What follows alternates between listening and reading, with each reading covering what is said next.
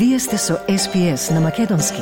Слушнете повеќе прилози на sps.com.au козацрта на Седонин.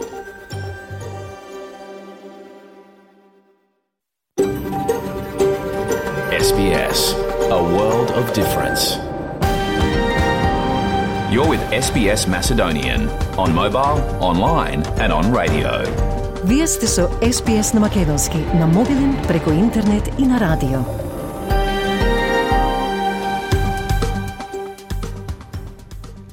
СБС им оддава признание на традиционалните собственици на земјата од која денеска емитуваме програмата на македонски јазик. Со ова изразуваме почит кон народот Воронџери во Воранг, припадниците на нацијата Кулин и нивните минати и сегашни старешини. Признание исто така им оддаваме на традиционалните собственици на сите земји на абориджините и народите од Торес Стрейт островите, од чија земја ја слушате нашата програма. Добар ден, Денес четврток, 7 декември, со вас ќе биде Васе Коцев. И денешната програма почитувани ја започнуваме со најновите вести. По нив следува извештајот од Македонија со најновите настани, од кои издвојуваме дека е започната постапка за екстрадиција на прво осомничениот за двојното убиство, Лјупчо Палевски, но и дека за граѓаните најкорумпирани во Македонија се министрите, пратениците, судиите и лидерите на политичките партии. Имаме и поопширен прилог за болеста артритис и како пациентите да имаат поддршка како полесно да се справуваат со состојбата за да го подобрат нивниот квалитет на живот. Денес ќе го слушнете и вториот дел од разговорот со професор доктор Ѓоко Муратовски, познат и наградован специјалист за иновации, кој работи со широк спектар на универзитети, познати светски компании и различни влади од целиот свет. Останете со нас, продолжуваме со најновите вести.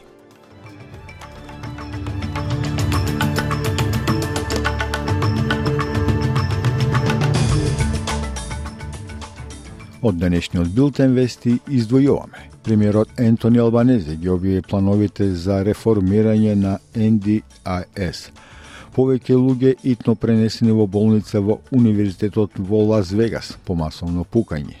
И скринингот на Македонија во Брисел успешно завршува. Премиерот Ковачевски е оптимист дека процесот ќе продолжи, а Македонија ќе стане членка на Европската Унија до 2030 година.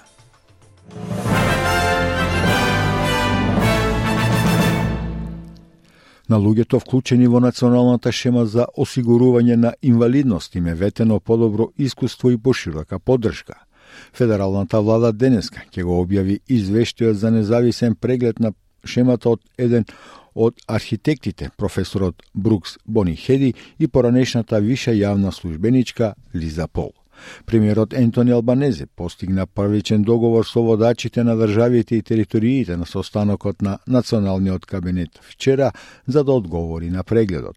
Господин Албанезе вели дека NDIS кој врши притисок врз владините буџети, како што расте побарувачката и трошоците, има потреба од реформи за да се осигура дека може да продолжи да ги поддржува оние што живеат со попреченост. National Cabinet agreed to work together to implement legislative and other changes to the NDIS to improve the experience of participants and restore the original intent of the scheme to support people with permanent and significant disability with a broader ecosystem of supports. 140 годишна стара патека за трчење и тивките приградски железнички станици ќе станат живописни градски центри според предлозите за 210.000 нови домови ни Сиднеј, Ньюкасл и Волонгонг. Речеси 40 станици, повеќе од кои се наоѓаат во областите со богато историско наследство, ќе бидат предмет на зголемено населување. Се водат и сериозни дискусии за преместување на конските трки од тркачката патека Рошел. Главната вест беше најавена по соопштувањето на датумот на отварање на линијата Сиднеј Метро Вест вредна 25 милиарди долари, која се очекува да биде завршена до 2032 година. Дополнителните две години го ставија проектот на поиздржлива временска рамка, што ќе го возможи развојот на уште две станици, вклучувајќи и потенцијалната локација во Рошил. Заменик либералниот лидер Сузан Лей ја повика владата на Албанези да им се извини на австралиците, бидејќи лабористите се обидуваат да приведат неодамно ослободени недржавјани од притвор за имиграција кои може да представуваат ризик за безбедноста на заедницата. Владата не открива колку странци би можеле да завршат за решетки според законите за воспоставување превентивен режим на притвор кој вчера го усвои парламентот. 45 годишен маж стана четвртиот поранешен притвореник кој е обвинет за нови прекршоци, откако тој наводно го прекршил полицискиот час со условите за виза и украл багаж од аеродромот во Мелбурн. Владата се труди да одговори на одлуката на Високиот суд, кој го поништи 20 годишниот правен преседан да го прогласи неопределениот притвор за незаконски. Јавниот обвинител Марк Драйфус одби да им се извини на австралиците поради ослободувањето на уапсените. I will not be apologising for upholding the law. I will not be apologising for pursuing the rule of law. And I will not be apologising for acting. Do not interrupt. I will not be apologising for acting in accordance with a High Court decision. Your question is an absurd one. Скринингот на Македонија во Брисел успешно завршува, но тоа не е доволна причина за славење со оглед дека без уставни измени процесот тука и ќе застане, пишуваат вчера македонските медиуми.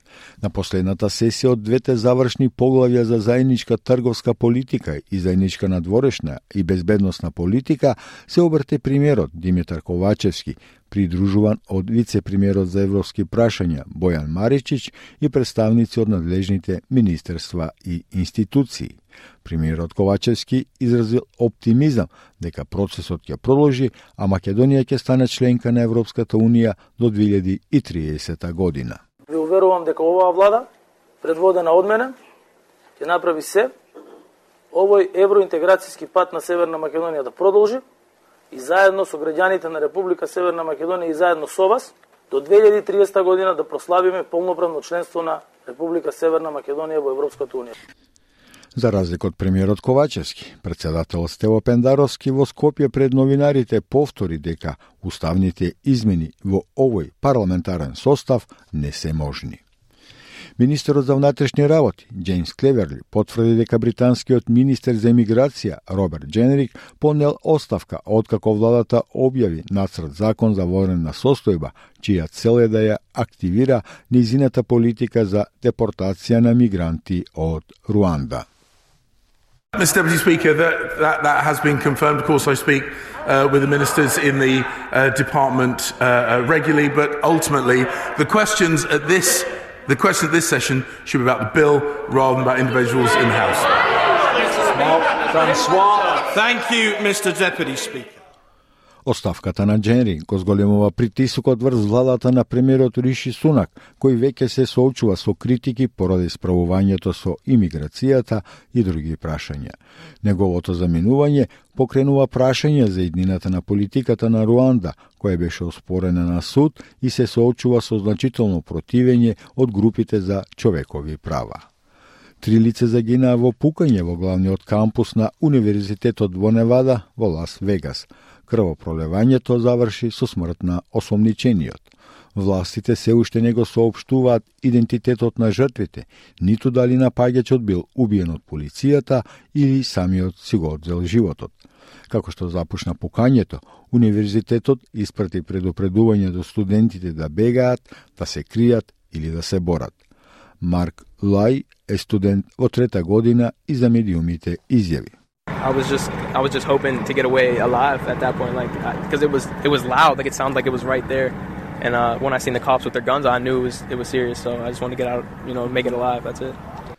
Кампусот на Универзитетот во Невада, кој се наоѓа на помалку 3,2 км источно од Лас Вегас, има упис на студенти од околу 25.000 до дипломци и 8.000 постдипломци и докторанти.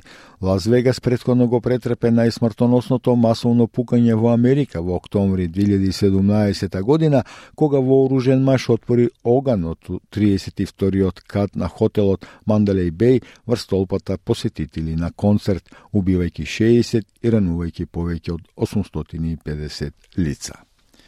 Израелскиот премиер Бенџамин Нетењаху тврди дека израелската војска ја обколува куќата на водечкиот лидер на Хамас Јахја Синвар. Last night I said that our forces can reach anywhere in the Gaza Strip. Now they are encircling Yahya Sinwar's house. So his house is not a fortress and he can escape, but it's only a matter of time before we get him.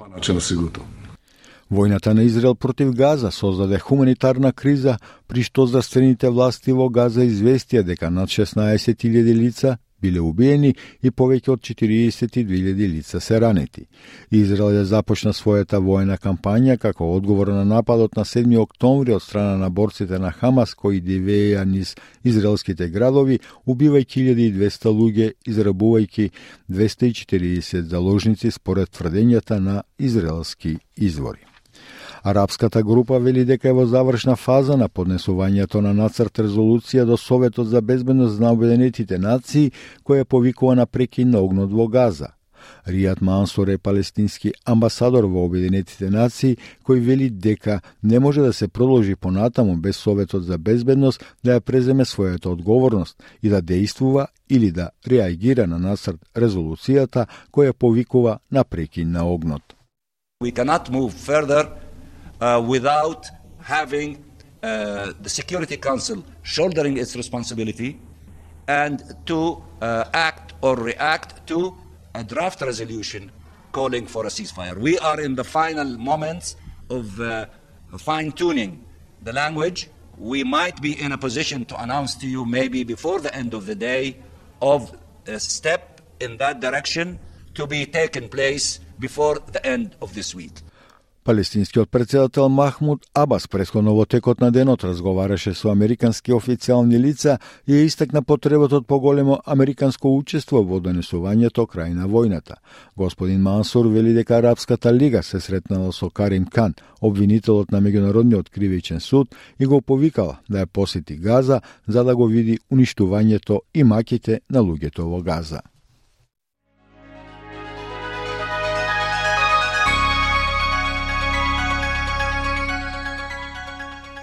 Од најновата курсна листа, денеска еден австралијски долар се менува за 0,60 евра, 0,65 американски долари и 36,98 македонски денари, додека еден американски долар се менува за 56,29 македонски денари, а 1 евро за 60,89 македонски денари. И временската прогноза за поголемите градови во Австралија за утре петок 8 септември, Перт претежно сончево до 28 степени, Аделајд повремен до со услови за можна бура до 36, Мелбурн повремени врнежи и можна бура 33 степени, Хобарт повремени врнежи од дожд до 25, Камбера повремен дожд до 34 степени, Сиднеј делумно облачно до 31, 31 во Бризбен, но претежно сончево, во Дарвин повремен дожд со услови за можна бура до 34 степени и во Алес Спрингс делумно облачно со температура до 42 степени.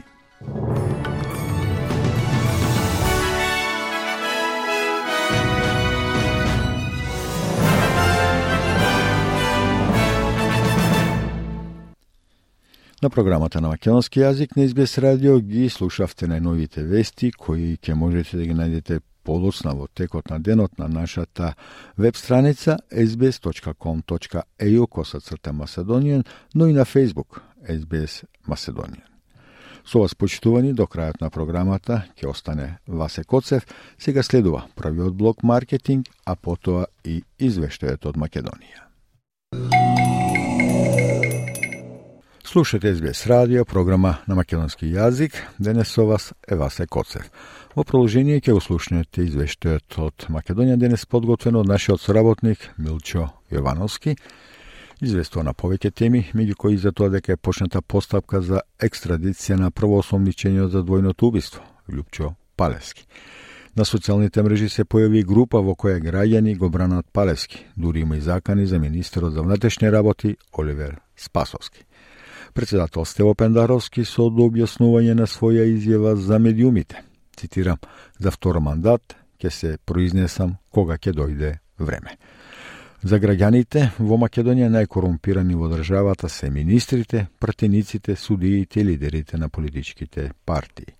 А пратеникот од ВМРО ДПМН Антонио Милошовски е во посета на Вашингтон, од каде што изјавил дека политичката партија ДУИ е изворот на проблемите и на корупцијата во Македонија, изјава на претеникот од ВМРО ДПМН Антонио Милошевски. И од статистиката, бројки кои покажуваат дека во југоисточна Европа најбројни пушачи на цигари се македонците. Попшен за овие настани во извештајот. Вие сте со СПС на Македонски. Министерството за правда побарало од турските власти да го задржат Лјупчо Палески Палчо во притвор се додека не биде испорачан во Македонија. Во сообщението објавено вчера утро, вела дека ќе делуваат брзо и нема да ги чекаат крајните рокови. Цитирам. Министерството за правда денеска во 9.20 часот доби официјално известување од Интерпол дека лицето Лјупчо Палески баран со меѓународна потерница е лишено слобода во Турција. Министерството за правда ја почна постапката за екстрадиција и ги прибира сите документи од институциите кои се потребни за нејзина реализација. Направени се контакти со јавното обвинителство и основното јавно обвинителство во Скопје за да се комплетираат уредно списите како би можело Министерството за правда да постапува. Во координација сме со сите засегнати институции за да постапиме веднаш и нема да чекаме да измине рокот од 40 дена за да го доставиме барањето за екстрадиција. Се вели во сообщението од Министерството за правда. Експедитивни се и во обвинителството. Велат веќе го подготвиле барањето за екстрадиција на Палески, кога го товара за две киднапирања и две свирепи убиства. Информацијата дека Палески уапсен во Турција завчера на вечерта ја соопшти министерот за внатрешни работи Оливер Спасовски. Кога ќе се комплетира целата постапка, турските власти ќе го спроведат Палески до Македонија. Тука веќе го чекаат 30 дена притвор, а ќе му биде судено за едно од најтешките кривични дела за кои се заканува и до животен затвор. Адвокатот Васко Стојков е викнат во полициска станица на распит, дознава МКДМК. Тој кој пре неколку дена изјави дека тој со неговото возило го однел Лјупчо Палецки Палчо во Белград на преглед и истиот ден се вратил во Македонија. Тој кој вели дека тогаш воопшто не знаел дека Палески е осомничен за двојно убиство. По убиството на Вања и Панчи, откако во Турција е приведен осомничениот Лјупчо Палецки Палчо преку социјалните мрежи, се формираат групи преку кои се бара правда за Палески. Тој според институциите е организатор и извршител на две убиства, пишува фактор МК. Цитирам, Една таква група која бара правда за осомничениот киднапер и убиец има скоро 100 членови и еден администратор, правда за Палчо, правда за Вања, правда за Панче, правда за Македонија. Групата е направена завчера наутро и во неја има неколку објави. Боник Палчо најмногу се опишува како вистински македонски патриот. Објави фактор МК. Во групата има реакција зошто бил откриен идентитетот на лицата и според нив тоа ја минирало правдата во Македонија. Но други граѓани се противат на нивните ставови и велат дека се платени да го бранат Палески. Дури во групата има и закани по живот за министерот за внатрешни работи Оливер Спасовски, вулгарни зборови и закани за бесење, пишува Фактор МК. На СБС слушате вести од Македонија. Скринингот на Македонија во Брисел успешно завршува, но тоа не е доволна причина за славење, со оглед дека без уставни измени процесот тука и ќе застане, пишуваат македонските медиуми. На последната сесија од двете завршни поглавја за заедничка трговска политика и заедничка надворешна и безбедностна политика се обрати премиерот Димитар Ковачевски, придружуван од вице-премиерот за европски прашања Маричич и представници од надлежните министерства и институции. Ковачевски е оптимист дека процесот ќе продолжи, а Македонија ќе стане членка на ЕУ до 2030 година. Ви уверувам дека оваа влада, предводена од мене, ќе направи се овој евроинтеграцијски пат на Северна Македонија да продолжи и заедно со граѓаните на Република Северна Македонија и заедно со вас до 2030 година да прославиме полноправно членство на Република Северна Македонија во Европската Унија. Со затворањето на овие поглавја, Македонија официјално го завршува скрининг процесот, кој стартуваше на 15 септември минатата година. Во овој период, од владата информира дека биле одржани 850 презентации, а во процесот учествувале 206 различни институции и приближно 1000 учесници. Заклучокот на Европската комисија е дека земјава е на солидно ниво на усогласеност. За разлика од премиерот, Председателот Стево Пендаровски во Скопје пред новинарите повтори дека уставните измени во овој парламентарен состав не се можни. Не гледам простор наредниве месеци како што одиме кон техничка влада која треба да стартува на 28 јануари дека ќе направите сега политичка клима во која ќе изгласате со две третини уставни промени. И ништо ќе чекаме јасно е следен, следна влада, следен парламент кој ќе треба многу сериозно да го земе преди тоа прашање Следната недела, на 13 декември, ден пред Европскиот совет во Брисел, ќе се одржи самит ЕУ Западен Балкан, но веќе е известно дека за Македонија одлука нема да има. Старт на да преговорите чекаат и Албанија и Босна и Херцеговина, но и за нив шансите се мали. На секој трет граѓанин во земјава му било побарано мито, а секој четврти граѓанин одлучил да плати, за да може да добие необходна услуга или помош од институција или службеник во јавната администрација, покажува извештаот за проценка на корупцијата во Македонија. Три четвртини од граѓаните сметаат дека има широка распространетост на корупција во системот и има недоверба во владата, а над 80% ги прецепираат функциите министер, пратеник, студија, лидер на политичка партија, дека се најкорумпирани. Сепак половина од граѓаните мислат дека корупцијата може значајно да се намали и најголема доверба во борбата против корупцијата имаат во МВР и антикорупцијската комисија, која е 34, односно 31%. Директорот на невладината МЦМС Александар Кржаловски за медиумите рече. Она што е на некој начин подобро од минатиот пат е дека е намалена и коруптивниот притисок, односно помал број граѓани им било побарано мито, а уште по, по, повеќе намалена давањето на мито. Најмногу се работи за ситна пети корапшн, како што ја вика ситна корупција, но во скоро во сите институции, во здравство и во образование и во ова, ова со полицијата нели за за за случаите така да во градежната индустрија со градежни дозволи во општините и слично. Македонската влада будно го следела проширувањето на црната листа на САД и откако Стеј департментот на неа го додаде и поранешниот вице-премиер Кочан Ѓушев. Вице-премиерката за добро владење Славица Грковска на медиумите им изјави дека очекувала надлежните институции да ги преземат сите забелешки кои стигнуваат на македонска адреса. Главната обврска е на домашните институции. Секоја помош на меѓународните институции, на нашите пријателски а, држави, особено со Соединетите Американски држави која е стратешки партнер, е добре дојдена и очекува меѓународните и домашните институции понатака да ги превземат сите необходни мерки согласно укажувањата. Владењето на правото и борбата против корупцијата се многу важни за државата на патот кон ЕУ, предупредува и евроамбасадорот Дейвид Гири. Корупцијата останува најголем проблем во државата. Мора да се води битка и со непотизмот, вели евроамбасадорот Гири. Тој порачува дека во пресед на изборите политичките партии мора да објават војна на корупцијата.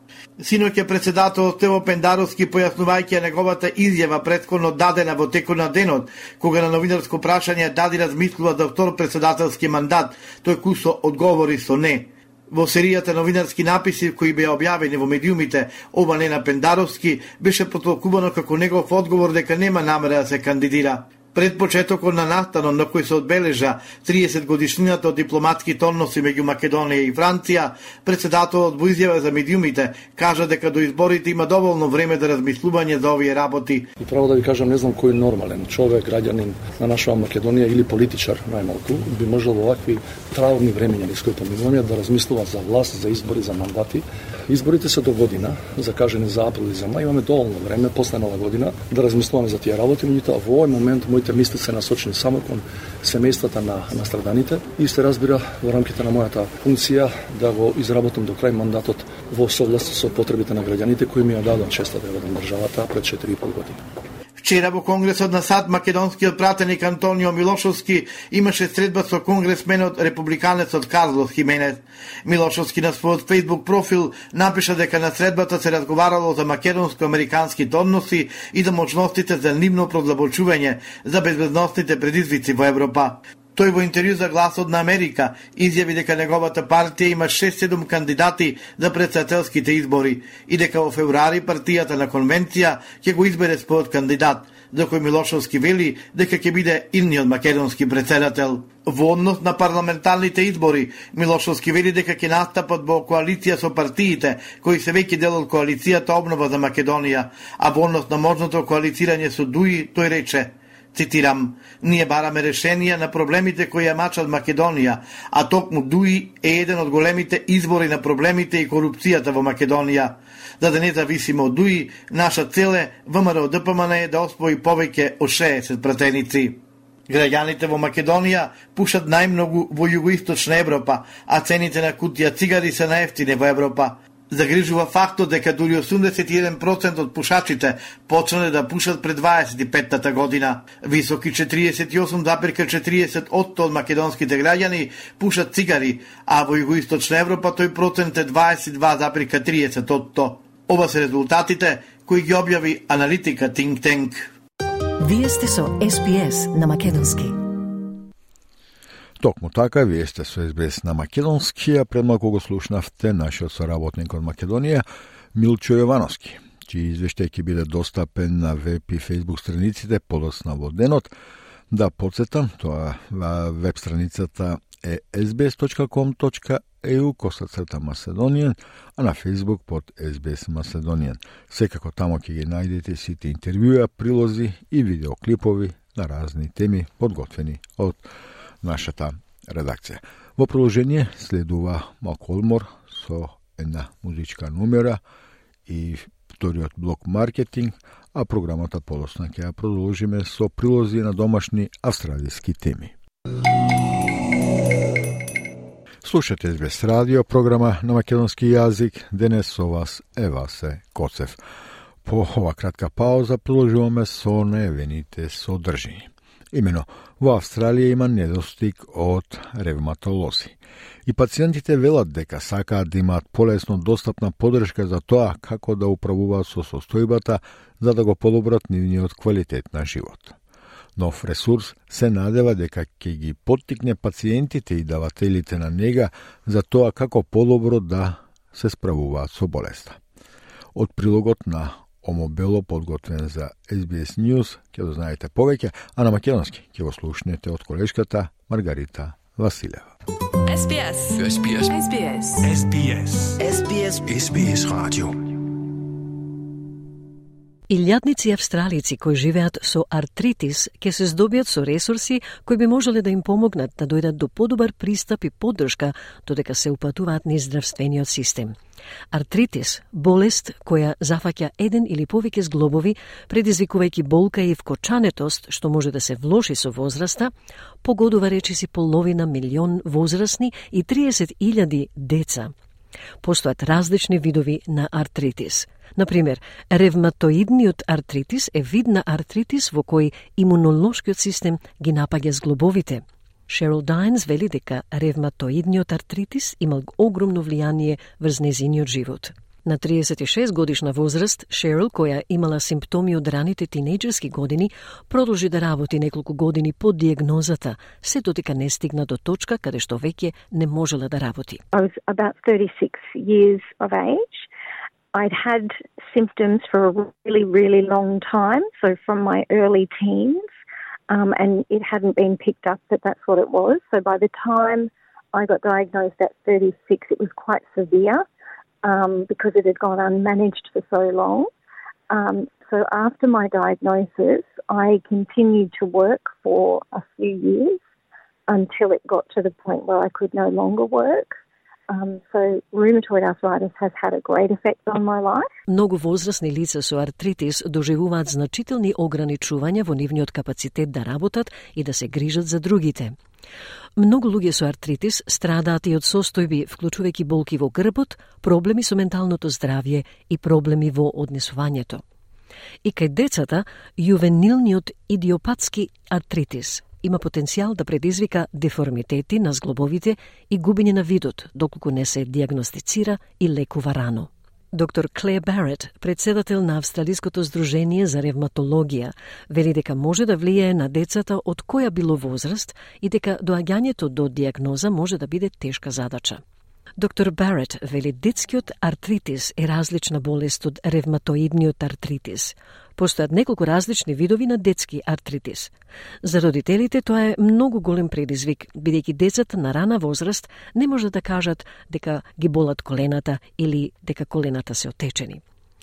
Доктор Барет вели ако родителите забележат дека нивното дете куца или има отечен зглоб, треба веднаш да се поврзат со нивниот општи лекар. Childhood arthritis is a different disease from rheumatoid arthritis. There are several different sorts of childhood arthritis, but juvenile idiopathic arthritis, which is what the consumer care guide is, for parents, um, it's very challenging because children as young as before they're even one can develop the disease. So they can't tell you that their knee is sore or swollen. But so if a parent noticed that their child was limping or had a swollen joint, they shouldn't ignore it. They should liaise with their general practitioner as the first point. 12-годишната керка на Линет Ахумнада беше диагностицирана на една година.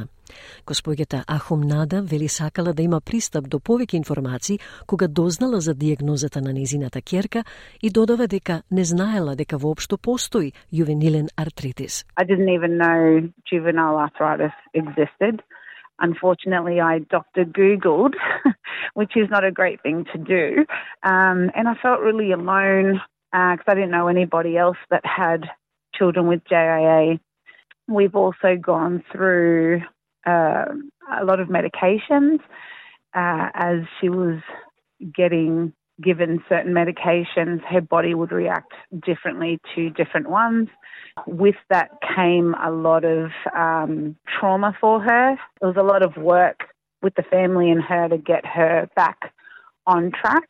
Госпоѓата Ахумнада вели дека диагнозата на незината керка влијаела и на незината семејна динамика – Таа ја нарекува семена болест, затоа што по старата керка гледала како и се обрнува големо внимание на незината помлада сестра, кое доведе до тоа таа да праша дали незините родители ја сакаа помалата сестричка повеќе од неа.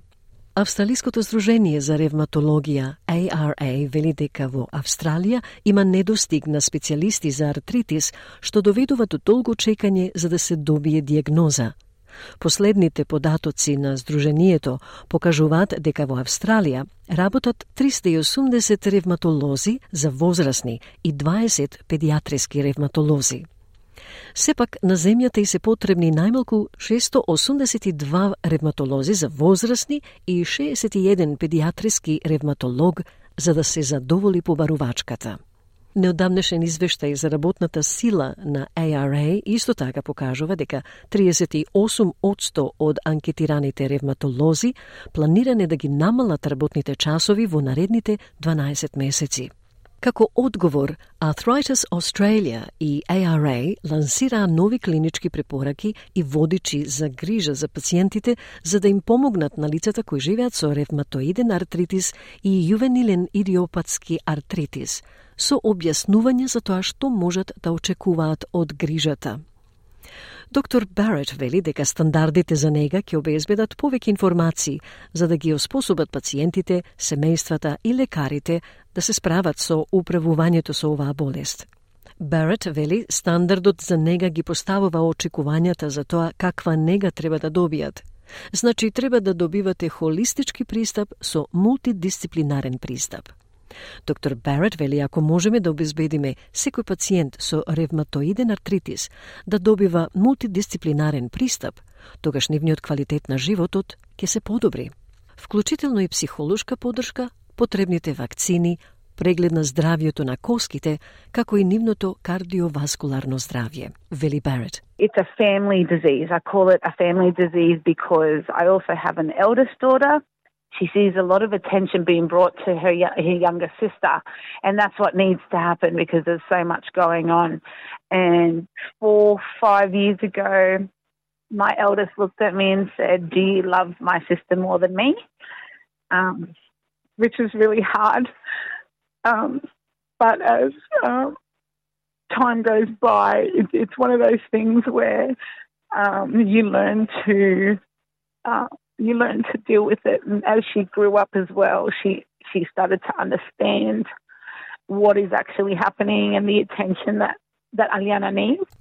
Главниот извршен директор на Arthritis Australia, Jonathan Mithers, вели дека користењето на водичот за нега може да го подобри квалитетот на животот на пациентите и се надева дека ќе ги намали значителните празнини во грижата за артритис. Секој боледува од артритис различно, и ако луѓето имаат подобри информации за тоа како може да се грижат за себе и да се движат низ системот, сите работи што им се потребни и работите што може да ги добијат, ќе им помогнат да имаат подобри исходи, поради што ова се хронични доживотни болести, вели Jonathan Mithers. Everyone's journey with arthritis, uh, with the individual disease, is different. Uh, and if people have better information about how they can care for themselves um, and navigate the system, all the things they need and the things that they can get, that will help them uh, to uh, have better outcomes for their diseases. And these are chronic, lifelong diseases that people have. It's not just you know something short. It's uh, it's a chronic disease, so they really need help. And Arthritis Australia, as a consumer focused organisation, is here to help them do that. Господјата Ахмунада вели ако го имала водичот кога била диагностицирана незината керка, самото тоа би ја променило приказната за незиното семејство. Вели дека е одлична алатка и водич, особено за родители со мали деца. If I had this guide when she was first diagnosed, it would have helped me so much because, as I said at the beginning, I doctor Googled everything. It was terrible. I was on the internet. I didn't know anything about juvenile arthritis. I didn't know anybody that anybody's child had juvenile arthritis. So if I had this guide, I would have had a lot of information and um, at the back of the guide, it actually we put for the different states, different websites or groups that they can be a part of, that they can speak to other like-minded families that are going through similar situations, and that would have been great to have back then as well. Но клиничкиот ревматолог и епидемиолог од Универзитетот на Аделаид, професорката Катрин Хил, вели дека здравствениот сектор треба да преземе одговорност и чекори за зголемување на бројот на ревматолози, за да помогне во севкупниот квалитет на животот на пациентот.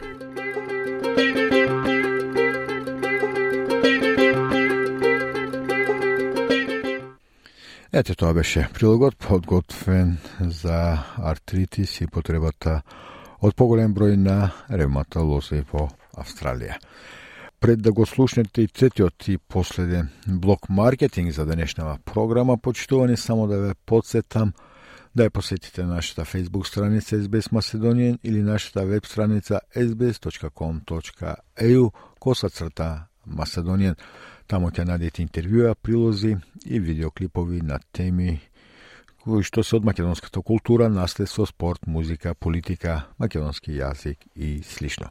Едно такво интервју ќе имате можност да слушнете и по а, блокот маркетинг со професор а, Ѓоко Моратовски, директор на програмата финансирана од владата на Викторија Digital Futures, која е управувана од Универзитетот Дейкин. Инако доктор Моратовски е наградуван специјалист за иновации кој работи со широк спектар на универзитети, компании, оние најпознатите што се бројат во 500 најпознати компании и различни влади од целиот свет. Слушате без радио програма на македонски јазик. Денес со вас е Васе Коцев. Следува уште еден разговор со професорот доктор Јоко Муратовски, уште една успешна а, приказна на македонец кој, напуштајќи ја Македонија во потрага по подобар живот, успева да се вивне во светот на науката и денес е наградуван специјалист за иновации кој работи со широк спектар на универзитети, компании од Fortune 500 и различни влади од целиот свет, значи овде се вклучени неговите активности во организации кои се во врска со сојузната влада на Соединените Американски држави, владите на австралиските држави, НАСА, Светската здравствена организација, УНЕСКО, Greenpeace, Johnson и Johnson, Toyota, Ford, General Motors и да не набројувам. Значи не сите се познати светски компании, а професорот Морацовски исто така работел и како член на различни водечки мисловни организации, како што се Институтот за иновации во економиите за развој на Стенфорд на воведување иновативни стратегии предводени од дизајн во Африка и Јужна Азија. Покрај тоа има се и бројни други академски определби, како што е инаугуриран стипендист на Институтот Фалингвотер Water на Франк Лойд Райт во САД, визитинг професор на бизнес школата во Копенхаген, Данска, визитинг професор на Универзитетот во Загреб, гостин професор на Универзитетот Тонги во Кина, помешан професор на Технолошкиот универзитет во Квинсленд и истражувач на Универзитетот во Делхи. Индија и секако Универзитетот Харвард во Соединените Американски држави. За неговиот придонес во областа на дизајнот, тој беше избран и за член на Институтот за дизајнери на Нов Зеланд, член на Друштвото на истражување на дизајнот во Велика Британија, а професорот Моратовски е член и на советите на Forbes, ОСАД, лидерскиот самит за високо образование на Јел и Оксфордската мрежа за дигитални лидери. Професорот Моратовски работел и со повеќе влади и светот, меѓу кои со владата на Република Македонија. Има исто така напишано и голем број книги кои ги користат и најпознатите светски универзитети за дизајн. Да го слушаме денешниот втор дел од разговорот со професорот Муратовски. Имате соработувано речиси на сите континенти. Да. И во Македонија, и во Европа, Африка, да, Азија. Сега. Ке видиме каква е таа соработка, какво какви разлики постојат. Меѓутоа само уште малку сакав да ве прашам да ни наброите не спомнав дел од овие компании, меѓутоа сите не можев да ги запомнам, тоа навистина импресивен број, тоа непознатите светски светски компании, што Джонсон Джонсон, Toyota за BMW, Светска здравствена организација, IBM, IBM, Amazon, Facebook, бев на посета на Google и на Apple, Procter Gamble, Nike, со сите no. поголеми автомобилски компании, Ford, General Motors, Fiat, Chrysler, Tata, Индија, mm. Jaguar, Land Rover, Pininfarina, Ferrari. Со сите имам соработувано да, исто на одредени така начини. И професор, како велат, визитинг професор или почнем професор на, на повеќе да, да. универзитети во, во, во светот. Да, на, тука во Австралија имам две професорски титули. Mm -hmm во моментот. Една сум една е во Дикин, е друга е во Queensland University of Technology. Професор сум во Anand National University во Индија. Во Полска сум професор. Сега всушност ќе одам за две недели во Полска ќе почнуваат нов докторски програм по мојата книга. Професор сум на Универзитетот во Загреб. Претходно бев професор на Тонгджи University во во Кина, во Шанхај, во Копенхаген бизнес школата. Еден период бев исто професор, визитинг професор. Сигурно има уште некој Да, Сега што не ми ни текнува, јас сум зашто го забележа вашето да. име и на познатиот Харвард и на Стенфорд како Со соработник. За Стенфорд сум консултант, да. на Стенфорд универзитет сум консултант во инс, нивниот институт за развој, uh, нивниот mm -hmm. институт за uh, Stanford Institute for Innovation in Developing Economies на економија во развој, иновации за економија во развој но на Харвард, Оксфорд, Јел, yeah. MIT, таму имам дополнителни обуки и специализации завршено. Имам дури дојф и стипендија од Јел за специализацијата моја таму. Така да контакти секаде во светот. Со Харвард дополнително на дополнителна mm -hmm. соработка преку Универзитетот од Дели во Индија и Харвард на Совет за дизајн на свемирски, на вселенски униформи за индиската вселенска програма Да, и веќе позната со таа индиска вселенска програма ќе испратија и сон, сонда на да. месечината да стигна. И сега, она пред малку што спомнавме, со повеќе различни компании, со повеќе влади на повеќе университети. Каква е разликата има некоја разлика во соработката со Австралија, со Америка, во Африка. Да, има огромна разлика. Америка е најдобра за тие работи. Има таков иновацијски дух таму што че се уште вложуваат, се уште инвестираат. Повеќе менталитетот, ја би рекол, неголи инвестициите што се битни. Австралија има многу капитал, но нема таков менталитет како што е во Америка да инвестира, не само да инвестира, него да е да биде на на тој врв на иновации во Америка е многу поразлично. Имав прилика, пошто ја бев таму директор на најстарата школа за дизајн во Америка, како декан на, на тоа ниво. И тоа ми отвори многу контакти, затоа што многу од нашите поранешни студенти работат во сите овие компании. Сите најдобрите компании што се претежно Fortune 500 uh, компании. И тоа ете ми отвори многу врати, затоа што таму, на пример, еве, за разлика исто во Австралија, американците многу ценат и поштуваат универзитетите каде што дипломирале.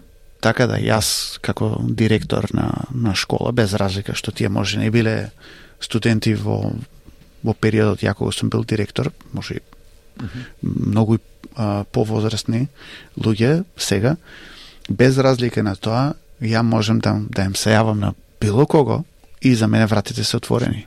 Ја можам да се јавам на подпредседателот на Facebook, тој период кој што е еден од нашите поранашни студенти, mm -hmm. и ако кажам јас доаѓам во Силикон Вали, да се видиме, тој задолжително ќе најде време да се видиме, затоа што имаат еден таков почит спрема институциите што им го има дадено образованието. Тоа е пак доаѓаме на тоа истото да, што го спомнав да. првично дека образованието е една од најважните работи. Да. Сега имате соработувано и со повеќе влади.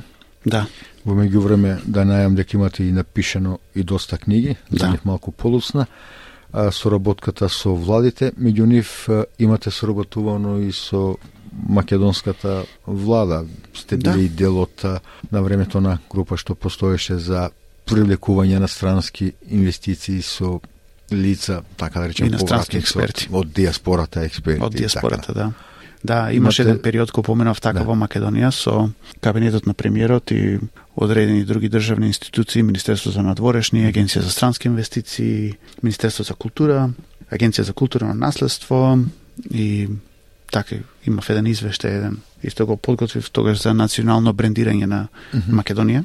Да, тогаш така договорив со мојот универзитет тука да тој дел, а, тие работи што ги работев за Македонија да бидат да станат дел од мојот докторат овде во Австралија. Така да тоа беше тоа беше добра работа. Во моментов еве работам за владата на Викторија. Водам еден државен проект за развој на дигитална економија за Викторија и доста интересен проект каде што помогам да се направат одредени нови стратегии кои што владата би требало да ги подржи и, и каде се прават следни инвестиции. Најме премалку дека имате и напишано и доста книги. Да. А, десетина книги. Десетина, може би и повеќе кои што успеав да Сигурно. да видам на и стотина научни трудови. Научни трудови. Ме интересира на последната книга што има напиш... што имате напишано. Mm -hmm. Design in the Age of Change. Да. Или книга Дизајн во времето, ерата во периодот на, на, на промени. промените. Се мисли нова промена со појавата на COVID, пред COVID, после COVID, се прифати условно и она нова нормала во да, да, живењето да. што се што се вели. Во тој период беше работена да. таа книга. Интересно точно... оваа книга, да. всушност е некој разговор со најпознатите светски дизајнери, да. забележи дека предговорот е напишан и од председателот на светската организација за дизајн, за дизајн да. Срини Сринсван. Да, да. Тоа е исто како Светската да. здравствена организација, има и Светска организација за дизајн, да, да. исто се тие да. како под обединетите нации подржани. Mm -hmm. Да, со, со него соработувавме многу. Ја и со него, тој е предходниот председателната mm -hmm. организација и со тој до сега што беше исто и со него следниот по него исто имам соработувано. Да, генерално на на тоа на највисоко ниво на дизајнот исто ги имам тие соработки. Книгата таа беше работена, ја сработив баш во средината на само што почна всушност ковид пандемијата и тоа беше еден таков чуден момент за сите. И само што почнавме да се да ја сваќаме таа нова реалност и видовме дека многу работи се менуваат. Но не беше само тоа дека го не беше само пандемијата mm -hmm. дека го менува светот. Тоа беше огромни е, други промени за правата на жените, mm -hmm. за климатски протести, а, политички е, протести, за расизам во, во Америка и во Европа. А, национализам имаше многу работи а, за се за сите во, за сите во да. Во главно за за сите промени што настана во тој свет сите големи промени се вклучи овде да. и ковидот. Да да да вклучително и ковидот и сите тие големи промени како како општество што ете ги почнавме да ги да ги прифаќаме и да се прилагодуваме кон нив. Таа книга тоа е еден историски момент што јас сакав да го да го сочувам како документ, не како ете така една рефлексија од да гледаме во минатото, нели, пример 5-10 години од потоа, па ние да рефлектираме што било како било. Во, во книгата оние поканети mm -hmm. гости, дизајнери, мислам дека се дел од старата гарда, да. дизајнери, дел од новата гарда, да се опфати овој момент, значи се како било во минатото, да. сегашноста и што мислат младите дизајнери, што вели новата авангарда во, во, во дизајнот. Да, тоа беше... Нивните гледишта се... Тоа беше така плански направено, затоа што првично мене ми беше многу интересно прво да ги да ги соберам тие што се најпознатите дизајн, највлијателни, најпознати во нашата област со од старата гарда, каде што они еве да кажем во одреден начин ги диктира како се работите, како стојат работите во во дизајнот. Но сите тие промени што се случува, mm. тие промени ми беше интересно да видам како еве како они ги доживуваат, затоа што тоа се промени директно кон нив насочени. А, затоа што тој свет што они го дефинира повеќе не функционира на тој начин. И ми беше интересно првен да видам како тие реагираат на тоа. Но исто така поканив одредена група на млади дизајнери што се не нешто се не непознати, него такви што допрва нивното време доаѓа. Така да што се доста влијателни нови гласови што се појавуваат mm -hmm. во областа на дизајнот. И сакав они да кажат и тие како, како ги гледаат како ги овие гледат. промени од нивната mm -hmm. од нивната од нивна перспектива, од нивна гледна точка. И беше мислам дека беше многу важно да го представам тој да кажеме конфликт на генерации. Беше Зашто... доста интересно. Вие сте со СПС на Македонски. Ете, тоа беше вториот дел од разговорот со нашиот еминентен научник, професор доктор Ѓоко Муратовски, во моментов директор на програма финансирана од владата на Викторија Digital Futures, која е управувана од Универзитетот Дикин. Разговорот со професор доктор Муратовски ќе го продолжиме и во нашата утрешна програма. Во продолжение се подсетиме на најважните настани на денот.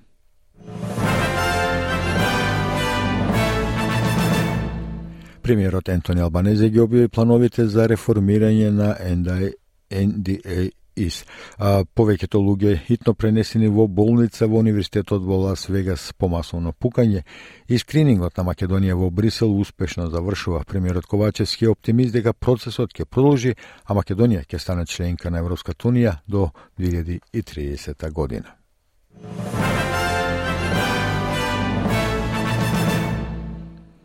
И со тоа почитувани стигнавме до крајот на денешнава програма. Денес со вас беше Васе Коцев.